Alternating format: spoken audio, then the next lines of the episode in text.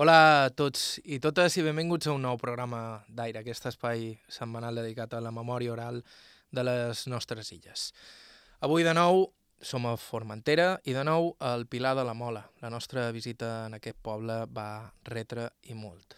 Som a Can Juanito Mayans, pescador, entre d'altres coses, amb la seva dona Neus i la seva germana Mercedes, mirant fotos bees. Entenc una que una- d'una enganxada que van, van treure un, uns quants dèntols. No, no, això, això, és en terra. Això és en terra, entrant a l'estovell on té la barca.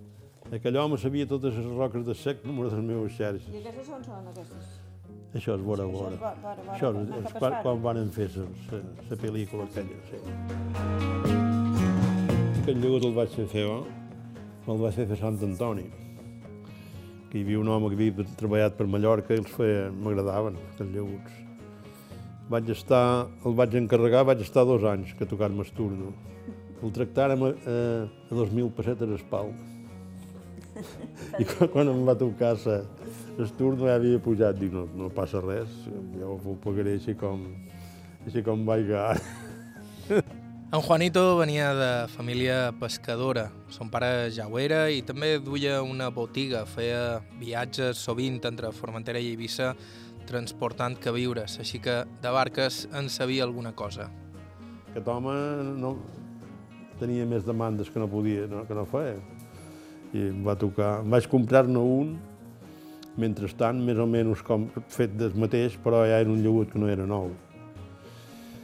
I sé que vaig, vaig venir i ho vaig dir a mon pare i li vaig dir el que em demanàvem, em demanàvem 80.000 pessetes. 80.000 pessetes en aquell temps eren molts de sous. Mon pare es va calar les mans en el cap no el compré, ell comprava, un, havia comprat diversos i li costaven eh, 4 o 500 duros. Ja, ja, ja, ja eren sous. Bueno, no me'l vaig creure i el vaig comprar. El primer mes que vaig pescar em va sobrar d'esquitar-lo, en 30 dies, perquè llavors quan jo pescava hi havia peix, i peix que, que aquell peix que et dic que agafàvem fossos i sirvis, això valia diners, perquè no és igual que agafàvem un caixó de molls i, o besuc i allò valia, valia poc, però aquell peix que agafava valia diners. I bueno, eh, no m'he fet milionari, però he fet sous per viure. En el programa d'avui parlarem de peix, peix bo, però també de futbol, del mercat hippie de la Mola, dels primers turistes de l'illa i de tortugues. I no només escoltarem en Juanito Mayans. Quan fas entrevistes en públic, al final acaba parlant un poc tothom, i en aquest cas, tant la Neus com la Mercedes ens varen regalar un parell de comentaris i anècdotes que no podíem deixar passar. De fet, avui sentireu la recepta de la guiat de tortuga amb veu d'una persona que n'ha fet uns quants.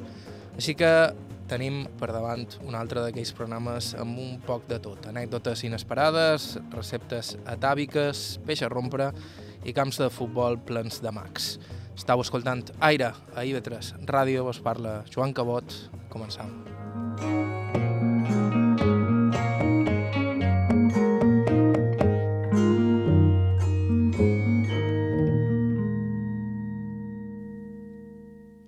començàvem a Can Juanito Mayans, de malnom Juanito de Can Pep Xumeu. A mi aquests malnoms me semblen pura màgia. Tres noms seguits, un rere l'altre, una cosa bastant habitual per Formentera. Curiosament, el seu nom real no és tan complicat. Pues jo em dic Joan Mayans Mayans i vaig néixer el dia 11 del 38, 1938. I vareu néixer aquí, a Samora, Ah, sí, a la, en aquesta casa. en aquesta mateixa casa. En aquesta mateixa casa, sí. En què se dedicaven els vostres pares? Els meus pares havien portat aquí la botiga més antiga de Formentera, que aquest any ens han dat el premi de, de, de, de l'antiguitat de, de la botiga. I encara existeix? L'Ajuntament, sí. El que passa que abans la teníem aquí, ara la tenim l'any passat allà vora la carretera i un diu supermercat al Pilar. Els nostres pares es dedicaven a... pescaven, portaven la botiga, tenien un lleut estufador que hi feien sa, el tràfic de la botiga d'Eivissa a Formentera i de Formentera a Eivissa, perquè també d'aquí anaven carregats cap allà. I d'allà portaven el que no hi havia aquí, com era oli, com era farina, com era en fi, menjar.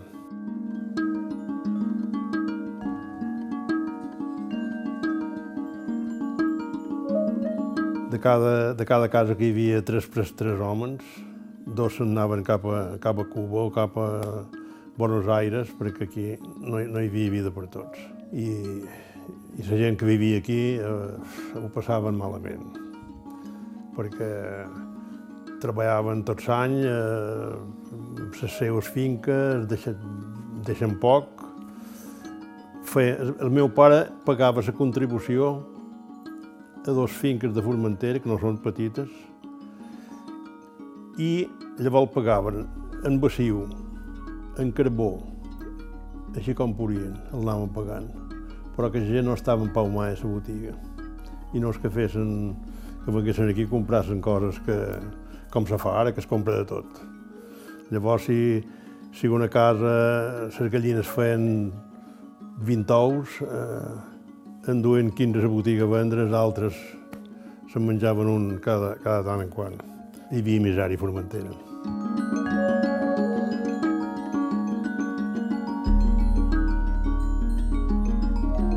Bueno, es passava malament per tot, perquè no hi havia, no hi havia menjar. I, bueno, nosaltres gana no en havíem passat, perquè mon pare anava a Eivissa cada dia, o cada dia no, cada, anaven cada 15 dies.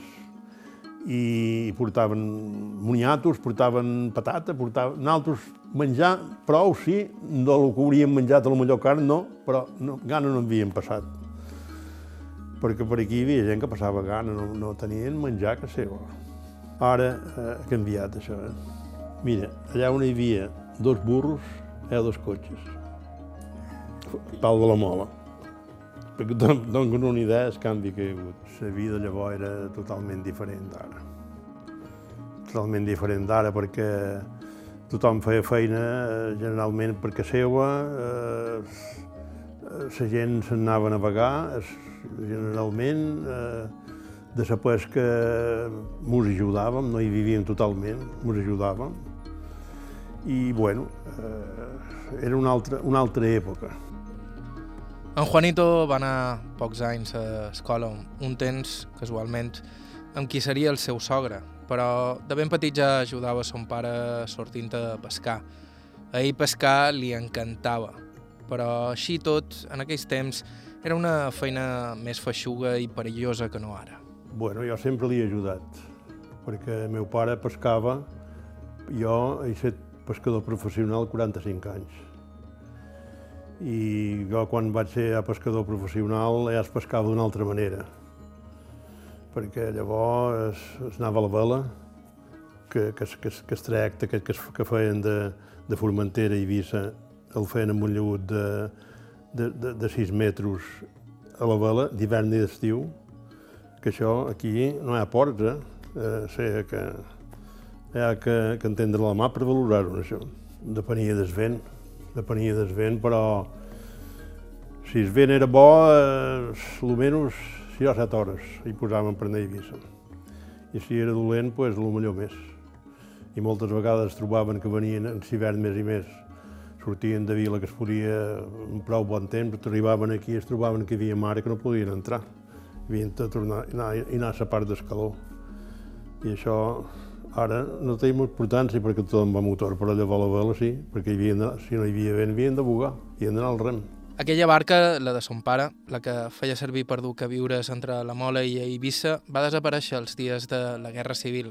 Ja han sentit la història de com uns quants homes de la Mola varen haver de fugir de nit per por a les represàlies. El que varen descobrir, gràcies a en Juanito, és de qui era la barca que varen emprar per fugir. La barca del nostre pare, eh, en la guerra, els hi prengueren i s'anaren vuit homes al Ger. Bueno, era, sí, era gent, de, era gent que d'unes altres idees i, en fi, i era l'única barca que, que sabien que podien... Com se deia la barca? es deia Santa Maria, i, i anaren al Ger, que per, per, i anaren a l'hivern, eh? que van sortir d'aquí en la tramuntana, que eren popa, i quan va ser allà a mitjan canal es va dar vent al revés i no es perderen perquè el lleut era bo i els que hi anaven eren mariners. I va anar un barco que els volia auxiliar i no, no hi van voler perquè ells anaven per anar i deixar la barca i fugir per allà, i ho feren. I no va tornar aquesta barca. Que va- es va perdre allà, per ser... o, va quedar per allà.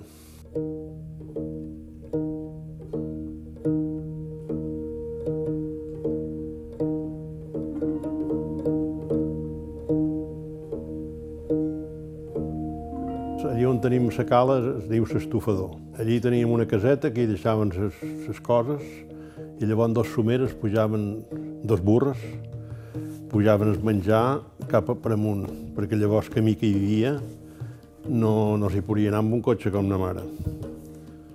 El camí d'estufador el va fer el meu abuelo amb unes eleccions. Sí. Li donaren 300 duros. Varen fer tres ponts que, que han tapat cap torrents sense que tinguen sortides d'aigua i no se'ls han duit mai.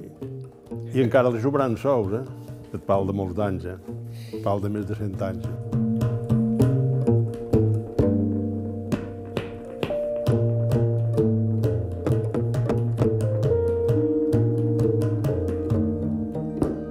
Pescam, jo pesco un baix que està aquí davant, davant l'estufador, que està eh, a 4 milles de, de, de la costa.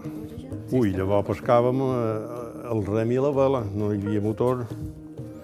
I, bueno, llavors la xerxa que es pescaven no, no era xerxa de nilon, era xerxa de, de cotó o filassa. I aquelles xerxes les posàvem al salpost i el matí les salpàvem i les teníem davall d'una enramada que tenim, perquè si no s'haurien fet malbé. I, bueno, era, era diferent. Hi havia més peix que no hi ha ara, molt més. Però el peix que agafàvem, eh, pescàvem xarxa prima i agafàvem molts de molls, besuc, mabrens... Aquell peix valia pocs sous. Jo he estat dels primer, dels primers pescadors que he pescat xarxa gorda de Formentera i Eivissa. I vaig armar unes xarxes molt gordes i i vaig agafar molts d'enfossos i molts de dèntols, perquè llavors n'hi havia.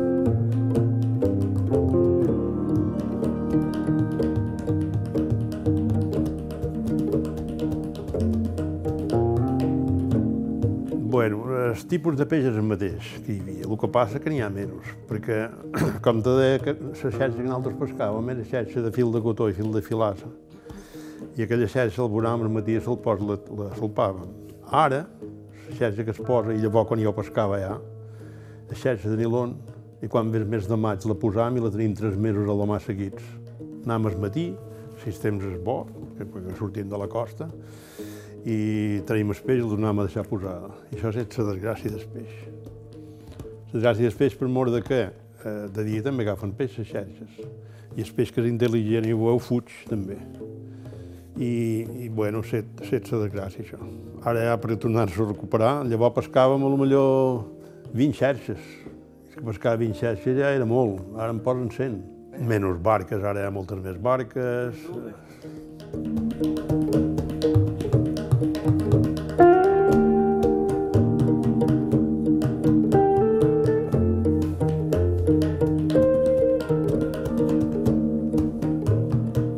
agafat moltes de sirvis, jo, perquè mi m'agrada molt córrer escorricant. Córrer escorricant, si va amb un calamar o una cepi, i n'he agafat de 44 quilos de sirvis, eh? que són de les sirvis grosses que es agafen. Em van dir que per colombrets n'havia agafat de 50 quilos. Pot ser perquè un peix d'estar gord està prim, un peix d'aquestos fa 3 o 4 quilos més, però una sirvi que fa que fa que 30 quilos ja és una sirvi grossa i de 44 n'he agafat jo, i de 42 també, i, i de, t'he de dir jo? Jo cada any agafava més de 100 de sirvis de corricant. I a més de sirvis, Sant Juanito i els pescadors d'aquells temps agafaven una altra espècie que ara ens sorprèn els que no n'han menjat ni gairebé vist, la tortuga. A Formentera la guiat de tortuga era un plat molt habitual, un plat que ara és impossible tastar perquè la tortuga està protegida, però que ja diversos formenterers ens han explicat que era absolutament deliciós. Deliciós i peculiar. Tinc de dir una cosa, eh? eh la tortuga és una cosa que jo, jo és que no li agrada, no ho fas rar, perquè és un bitxo repugnant, eh? La veritat. Però, si et das un guisat de tortuga d'una persona que sap i fer la neta, que no és tothom que sap, pensaries que menjaves ternera de bona qualitat que hi ha. Un guisat de tortuga ben fet té de ser una persona que sàpia, eh? perquè la tortuga, eh, el principal és saber l'esgreixar i saber limpiar bé, perquè té, té un greix que és molt dolent. S'ha de fer molt ben neta i bullir-la i fer-la. Fer I quan, quan està ben, ben fet un guisat de tortuga ben fet, no hi ha cap guisat de ternera que, que se li pugui comparar. I nosaltres no el podrem tastar, però per sort, just al costat, durant l'entrevista, tenim una persona que sap preparar la guiat de tortuga. Així que d'aquí uns segons aquí a Aire, la recepta a càrrec de Mercedes Mayans, la germana d'en Juanito. Fem una pausa i continuem.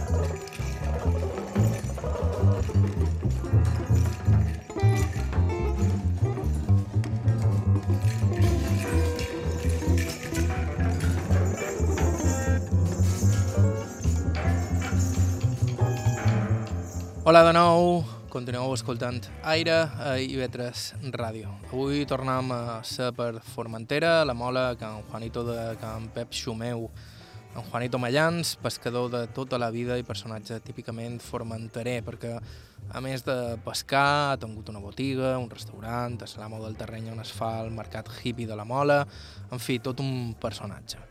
El sentíem fa uns segons explicar-nos la quantitat de peix que es coïa en aquells temps a l'illa. Peix i altres coses que ens havíem quedat parlant de tortugues i de la guiat que es fa amb la seva carn. Un plat que avui en dia és impossible tastar. Passa una cosa. Eh, les barques aquelles que pesquen marràs eh, agafen moltes. Eh? Ells no, no, posen no posen les palanques per agafar tortugues, però se'ls reenganxen i, clar, llavors agafen i tallen el bressol i la mollen. Aquelles tortugues, algunes moren, però que tenen un am dins. I això sense desgràcia les tortugues, eh? perquè abans n'hi havia moltes. I a més, llavors podíem vendre. Mon pare les agafava i les duia a Eivissa, en Sollegut, a Racony, i per allà les, les, se les menjaven com a formentera. Avui en dia està prohibit capturar-les, tot i que, com explica en Juanito, molts vaixells les atrapen amb les xarxes i quan les amollen ja és massa tard. Abans, però, les tortugues abundaven. Ara sí. Bueno, jo, jo amb les xarxes em vaig agafar-ne algunes vegades. En tenia, tenia dues cloves allí de, en el bar, que eren de tortugues grosses, i un dia se'n ve un inspector de, de pesca i em diu que aquestes cloves tens aquí. Dic, bueno, dic, jo les vaig agafar, dic que no saps que s'han de mullar. Dic, sí, però jo les he agafat mortes. La tortuga agafada amb unes xerxes, en millor es nega. Tires aire i es, i es nega. O sigui, agafaràs, jo en, en, eh, en les xarxes en agafava no cada dia, però llavors n'hi havia més en agafava. I les tiràvem per mort de que les tortugues mortes a casa no havien menjat mai, eh? perquè la carn els hi queda vermella. Ara una tortuga que l'agafes, llavors hi anàvem i potser agafaves 20 tortugues i eh, de vegades en s'aganxada, que els tocava alguna vena i en havia vist a morir a bordo. Sempre les havien tirat en aquelles tortugues, perquè queden en la sang, la carn queda vermella. I si la mata li fa fer la sang, queda la carn blanca, és diferent. Bueno, i també manies, perquè aquí tenia un home que li deien cabriolet, i jo els hi dava, i se les menjava, i vosaltres sou bons, però diu, agafar un peix mort en la xarxa i vos menjau. Dic, sí, però no em vull tortugues d'aquelles perquè no, no me'ls maria amb bon gust i no em vull. I, I era molt típic menjar tortuga? Llavors tortuga. sí, llavors anaven perquè les tortugues no, no és tot sang que es poden pescar. O sigui que hi ha dos mesos, gener i febrer són els mesos que més... N'hi ha sempre, però que, que, que elles surten a solear-se, perquè he d'anar un dia que faci molta calma. Eh? si és un dia que fa mica de vent no, no, estan amagades, no, no, no surten.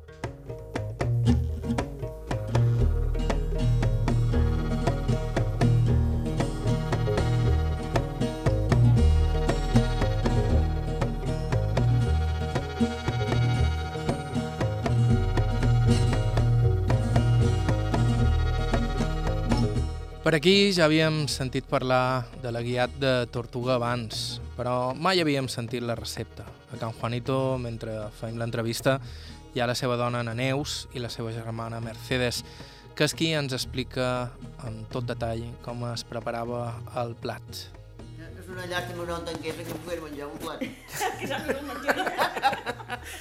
Perquè a la cerca li agradaria. Em menjaria i me faria pena, perquè la veritat és que m'acabo amb Sí, però com que no el trobo bo, em va menjant. Sí, Altres?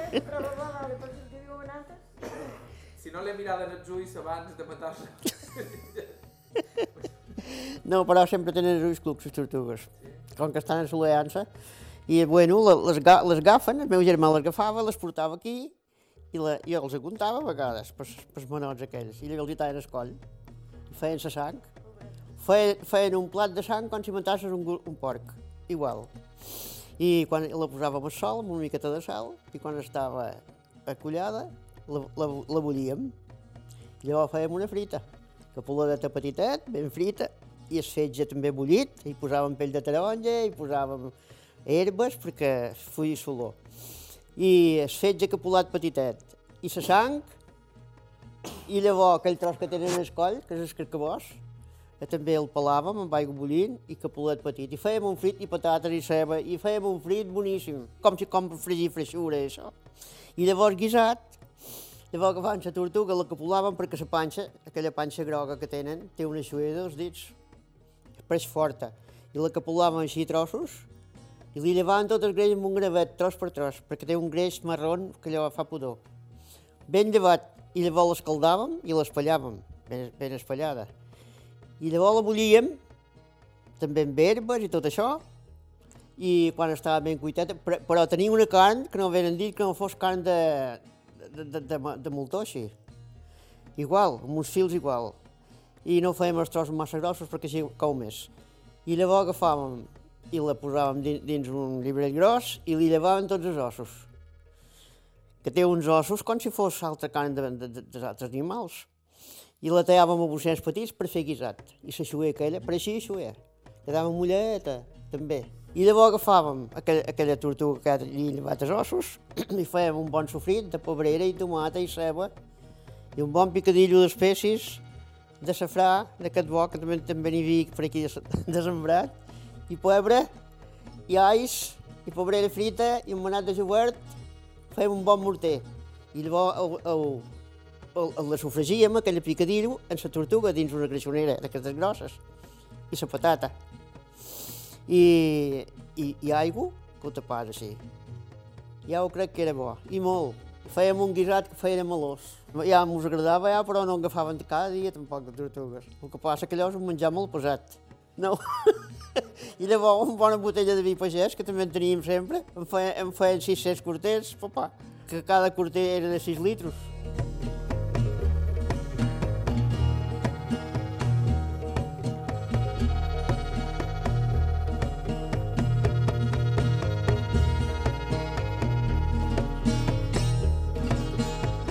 Na Mercedes i na Neus en parlen també d'un altre plat molt típic de Formentera, la salsa pagesa, un brou que només es pren per Nadal. Se- Fèiem salsa, de, salsa pagesa, que això només de Nadal, només es, només es fa a Eivissa i Formentera. La salsa aquesta la feim d'ametlles i sucre i caldo de carn que sigui bona.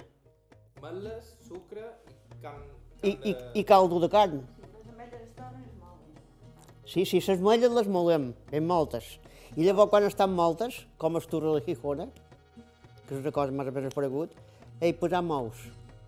Ben, ben memorats amb una massa i feim una coca grossa, que queda com que fa oli. Entre els ous i la malla fa oli.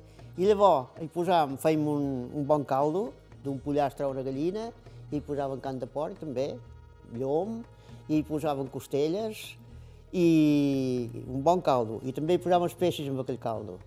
Hi posam també pebre i safrà, i sí, clavell, una miqueta... Ai, no, això és per caldo. I quan fe- fet el caldo, es treu la carn i es cola el caldo di- dins aquella coca de... dins aquell llibrell, que hi ha els ous i tot. I ben remenat, ben remenat, i es, i es cola dins una olla. I llavors s'hi posa canyella, allí, safrà, una miqueta de pebre i sal, s'hi posa sal i, i sucre. S'hi posa, jo hi posava amb, amb solla que vaig fer, vaig posar un quilo i mig de sucre. I ben remenat, ben remenat i a bullir. I queda espessa que es pot tallar Com una xocolata. com una xocolata. I és molt bona, això és postre de Nadal. I dura, dura hasta els Reis. És com un torró líquid, diguéssim. Dura hasta els Reis, allò. Cada quatre dies la fem bullir, solla grossa, ben bullida. I en deixàvem dins una més petita per anar menjant més sovint. Així no l'hem de bullir tota. I és molt bona. I llavors fa, fan uns cocs, aquí, que els diuen cocs de Nadal, amaurats, que hi posen, eh, hi posen grans d'anís, i sucre, i ous, i queden dorats, són molt bons allò per banyar. Allò ho banyam dins les tasses. Quan, quan ho servim, cada un banya el que vol, amb aquells cocs. Els fan a trossos i, i banyen. I això només ho feis per Nadal. Per Nadal. Nadal. Sí, sí, sí, sí, per Nadal. Bueno, de Nadal als Reis. Quan nosaltres érem petits, que érem 10 a casa, fèiem una olla així de grossa.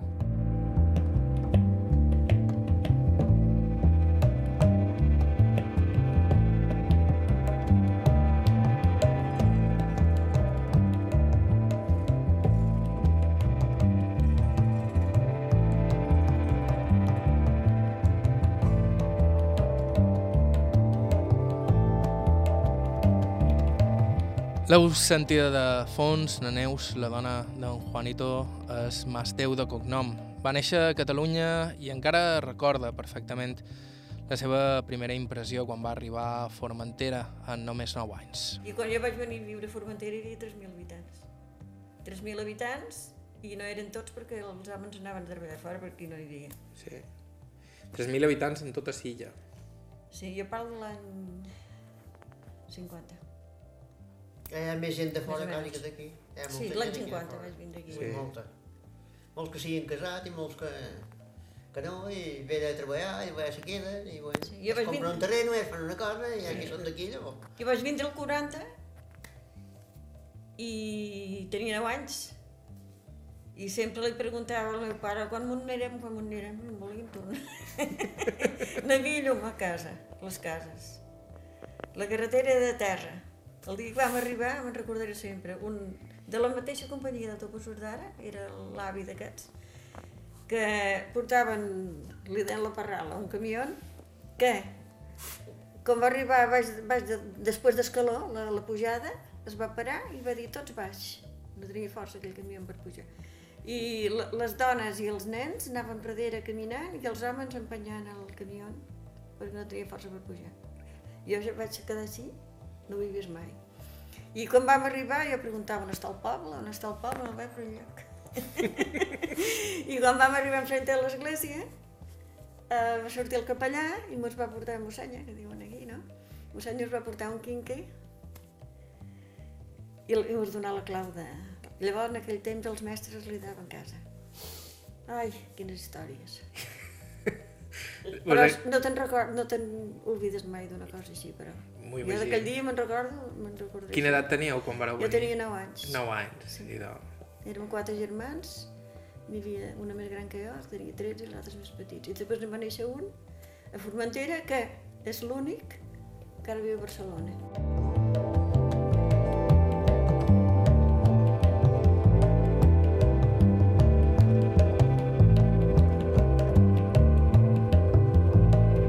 Son pare de Naneus era professor i havia sobreviscut de miracle a la guerra. Va ser obligat a combatre amb un bàndol i després en l'altre, una història increïble. Bueno, antes d'estar allí, el meu pare, després de la guerra, vam estar a Ripoll, província de Girona. Jo vaig néixer quan els meus pares estaven a Ripoll. El meu pare era de la província de Tarragona, però havia viscut sempre a, a Badalona. El seu, el seu pare era militar i havia anat a viure allí. I la meva mare, que era de pares de Formentera, ja saps que la gent se'n anava en aquell temps, el meu avi se'n va anar a Amèrica per fer això, i la meva, la meva àvia, la meva abuela, se'n va anar amb els fills eh, allí a Badalona. Va, no era Badalona, era el barri de- d'Artigues, al costat. I després pues, es van casar i es van casar el, el 26 de juny, no vull dir un, un dia malament això, i va estallar la guerra al cap de... el, el primer de juliol, no? Del 36. I el meu pare pues, li va tocar anar-se a la guerra. Per cert que el van portar al camp de la Bota per fusilar-lo, com si fos socialista, ell no era de cap partit, de cap classe. I una dona que tenia, com que ell tenia una escola privada i hi havia molta gent que el coneixia, una dona que era dels rojos, diguem, que m'ho deien llavors, i tenia un fill allí, la coneixia i era una bona persona i li va salvar la vida, va sortir per ell. Però després va haver d'anar a fer batalla, allà l'enviaven. No, era, no es havia ficat ni dretes ni esquerres i alguna, una dona que, era, que tenia nens a la seva escola li va salvar la vida i va haver d'anar a luchar amb els, amb l'altre bando. I, I va ser molt dur allà perquè hi havia... Bueno, anar a estar a la batalla de l'Ebre, allò que va ser el més terrible que, que, que, que hi ha.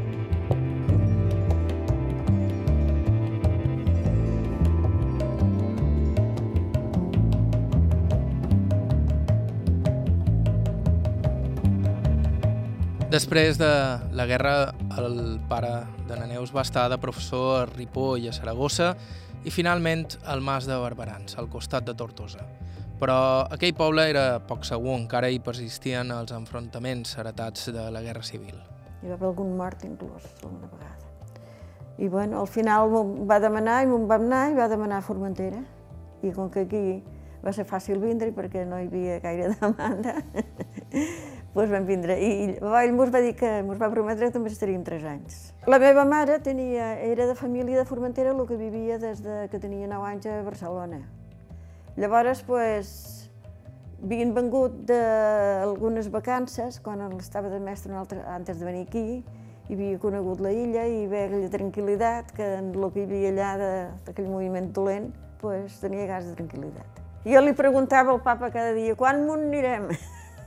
quan m'on anirem? De la meva manera. Quan ho va trobar Formentera, la tranquil·litat que hi havia aquí, comparat amb el que havia viscut la postguerra allà, doncs va voler tornar més. Bueno, llavors ell va fer un mapa guia de Formentera, i és el primer que es va fer. Després va fer un, un llibre, història novel·la, que es deia Rita, la hija del Normando, perquè hi havia hagut els normandos aquí. I, i bueno, li van donar el Premi d'Alfonso de el Sabio, el meu pare.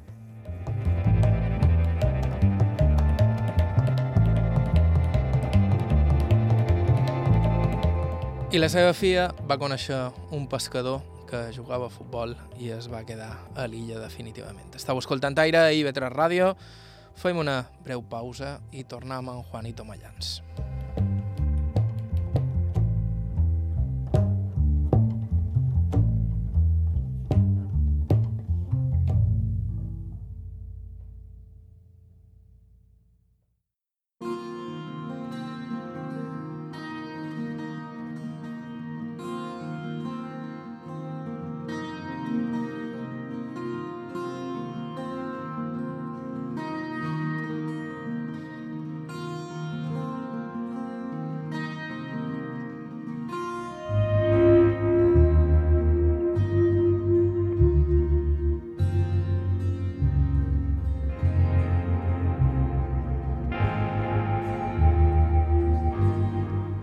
Hola de nou, això és IB3 Ràdio, estàu escoltant Aire, un programa dedicat a la memòria oral de les nostres illes. Avui a Can Juanito de Can Pep Xumeu, a la Mola, a Formentera.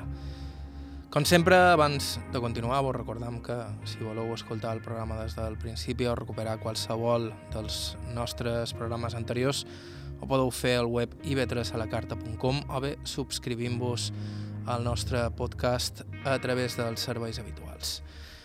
Nosaltres acabam d'escoltar la germana d'en Juanito i la seva dona, però encara no hem acabat amb ell, que, com han dit, és un personatge d'aquests que no te'ls acabes. Perquè, a més de pescador, en Juanito, de jove, va ser sobretot jugador de futbol.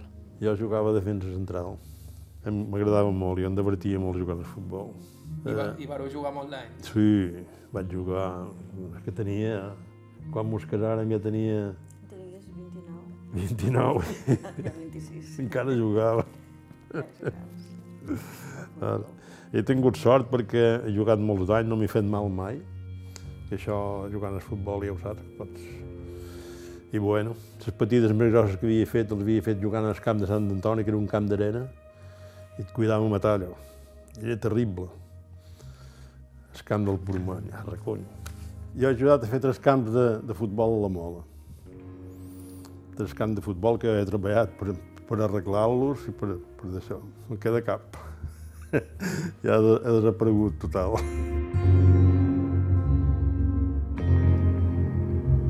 Per suposat, parlam de futbol aficionat. Així tot, en Juanito em retrata uns temps en què hi havia molta afició a l'illa, fins i tot amb una mena de lliga entre pobles realment disputada. Poca broma. Quan anàvem a escola, jugàvem, quan era recreo, jugàvem dalt la carretera i el mestre estava allà al costat de la carretera i quan venia un carro el feia parar i continuàvem jugant dalt la carretera amb una pilota de pedàs, eh? Això sí que me'n record. bueno, llavors va, ja va anar promocionant més, eh, el capellà del poble també li agradava molt i vàrem fer un equip. I va haver una època que hi havia un equip a Sant Francisco, una a la Sabina, una a Sant Fernando i una a la Mola. Hi havia una, una competició, els diumenges sempre hi havia jugàvem contra els altres, així com ens anava tocant, un dia contra Sant Francisco, un altre contra Sant Fernando, llavors feien seleccions i jugàvem contra els d'Eivissa. Bueno, eh, va ser una època que, que hi havia molt, molta afició a Formentera. La gent hi anava molt el futbol, llavors. Aquí baixava, hi havia el, camió de, de línia, estava aquí en aquesta plaça que, que ara heu trobat que tot està verd damunt. Aquí tenies garatge, cada matí anava a la Sabina, feia, feia la línia, i els diumenges, a la tarda, baixava per futbol. I sempre que hi havia, ja a les dues, hi havia una cola de gent que cada dia s'apareaven perquè no cabien dins els camions. Això me'n record com si fos ara. Hi havia rivalitat, sí, en bona forma, perquè no, no ens apareàvem, però hi havia rivalitat. Feia, era com una lliga, sí. I a les, les, les tardes, a mitjan tarda, anàvem a entrenar, que venia eh, gent de la nostra edat i més vells, que encara hi penso i els admir, que en aquella gent, perquè venien allí i feien... disfrutaven i, i, no ho sé, és un deport, és un deport que, que es completa el futbol.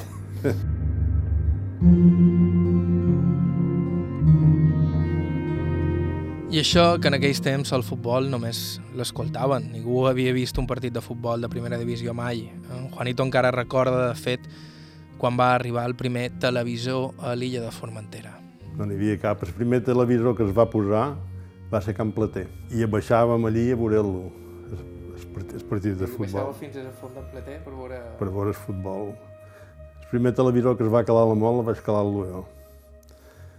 Jo anava a pescar i els diumenges, quan venia, trobava aquí, aquí dins tot, tots els veïns i tot això, mirant el televisor i si hi havia futbol. Una tele petiteta, no? Van tenir un, un fill i, i la dona havia de, de, de desgronçar-lo dins el quarto per mort de no, que, no, que no ploràs per molestar la gent. Ens van convertir aquí en un, en un cafè tothom venia, no, jo ho trobo, bueno, llavors aquell temps eh, era així. Allò era una, un, bueno, vaig comprar un lavis gros que el vaig llevar, quan em vaig comprar no els havia espanyat mai. Allò eren, eren de, de, molt bons, aquells televisors, blanc i negre, que llavors no hi havia en color.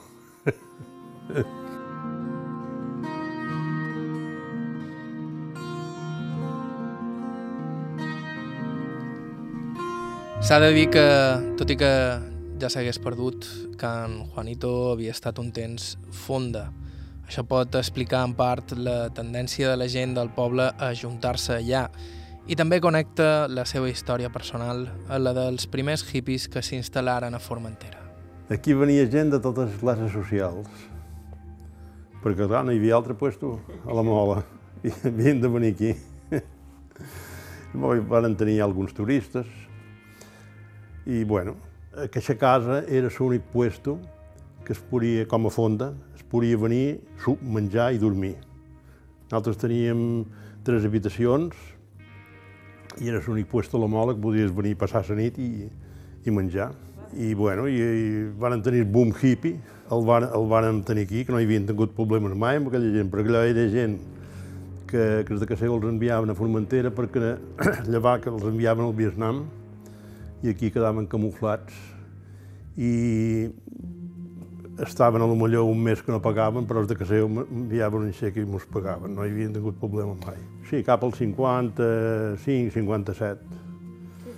Ara, hi va haver un parell d'anys, fa 4 o 5 anys, llavors va, el boom hippie el va acabar els gamberros espanyols.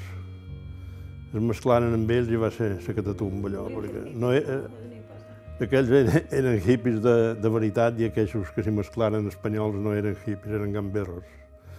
I allò no, no, no anava. Es mesclaven amb ells i feien festes i tot això, però acabava malament perquè ja se bareaven, i, en fi, aquells que teníem nosaltres que eren americans, era gent pacífica, anaven els cabells llargs i tot això, però no, no, no, no era, era gent que, de cultura, no era, no era gent com molts d'aquells que parlàvem en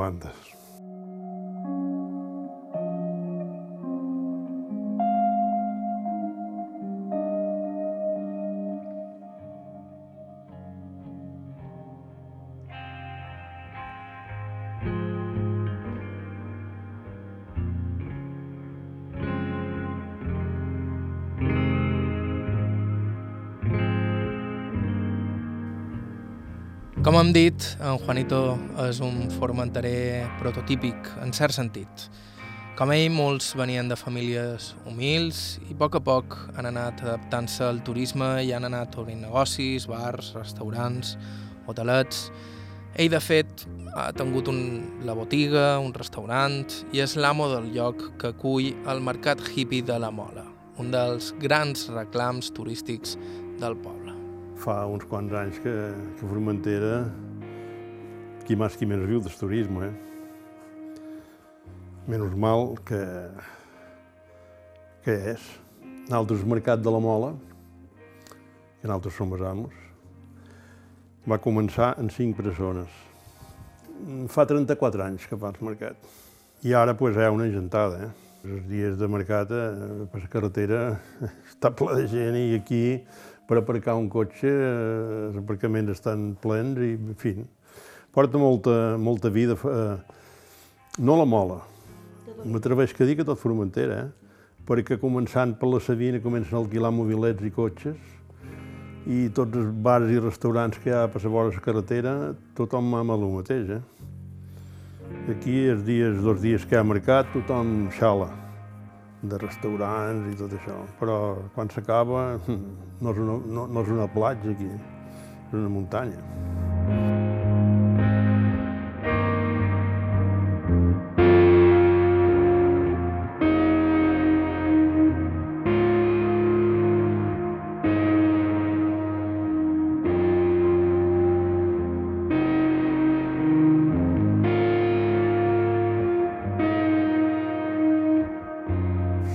Botiga, la meva dona la portada bastant anys. Jo l'ajudava alguna mica, però ella... Però aquí no, ja no estava aquí. Jo anava a pescar. He anat a pescar, ja et dic, he estat pescador professional 34 anys. I he fet, van fer una casa, aquesta casa que hi ha aquí, eh, que, que, que, que, té, que era un bar un, i unes vivendes dalt, i ho portàrem nosaltres allí, al restaurant, ho portàrem tres, que fa quatre anys ho duguérem. Només obria la nit, però donava el peix que agafava. Però era una feinada, eh? Pescar, pes, pescar i portar-ho, tot això. I bueno, ho vàrem, ho vàrem alquilar, vàrem pensar només es viu una volta. Ara, la gent, els clients, que el que feia no pot, no pot fer un restaurant d'altra banda, perquè jo he portat peix a tots els restaurants que hi ha a Formentera i tots acaben igual. Quan és plena temporada que agafes peix, van acumulant peix dins la nevera i, i última hora et donen peix fresc, et donen peix ja de... Jo sabia la gent que venia i ja, ja feies peix net a la vora de mà i el pujava i peix quan se'l menjaven a casa, des dia no se'l menjaven enlloc.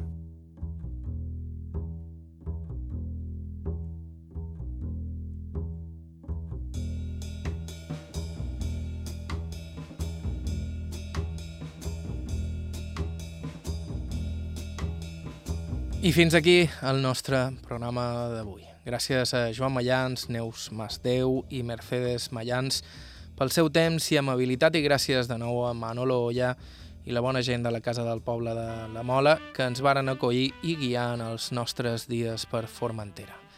Ja sabeu que si ens voleu proposar alguna entrevista ho podeu fer enviant-nos un correu a aire.ivetresradio.com i que també ens podeu seguir a Facebook i Instagram. Si vos voleu subscriure al podcast del programa ens trobareu a iTunes i de més serveis similars i l'arxiu complet del programa el teniu a ivetresalacarta.com. Bàrbara Ferrer a la producció executiva i Iker Hernández a la producció tècnica. Vos ha parlat Joan Cabot. Fins la setmana que ve.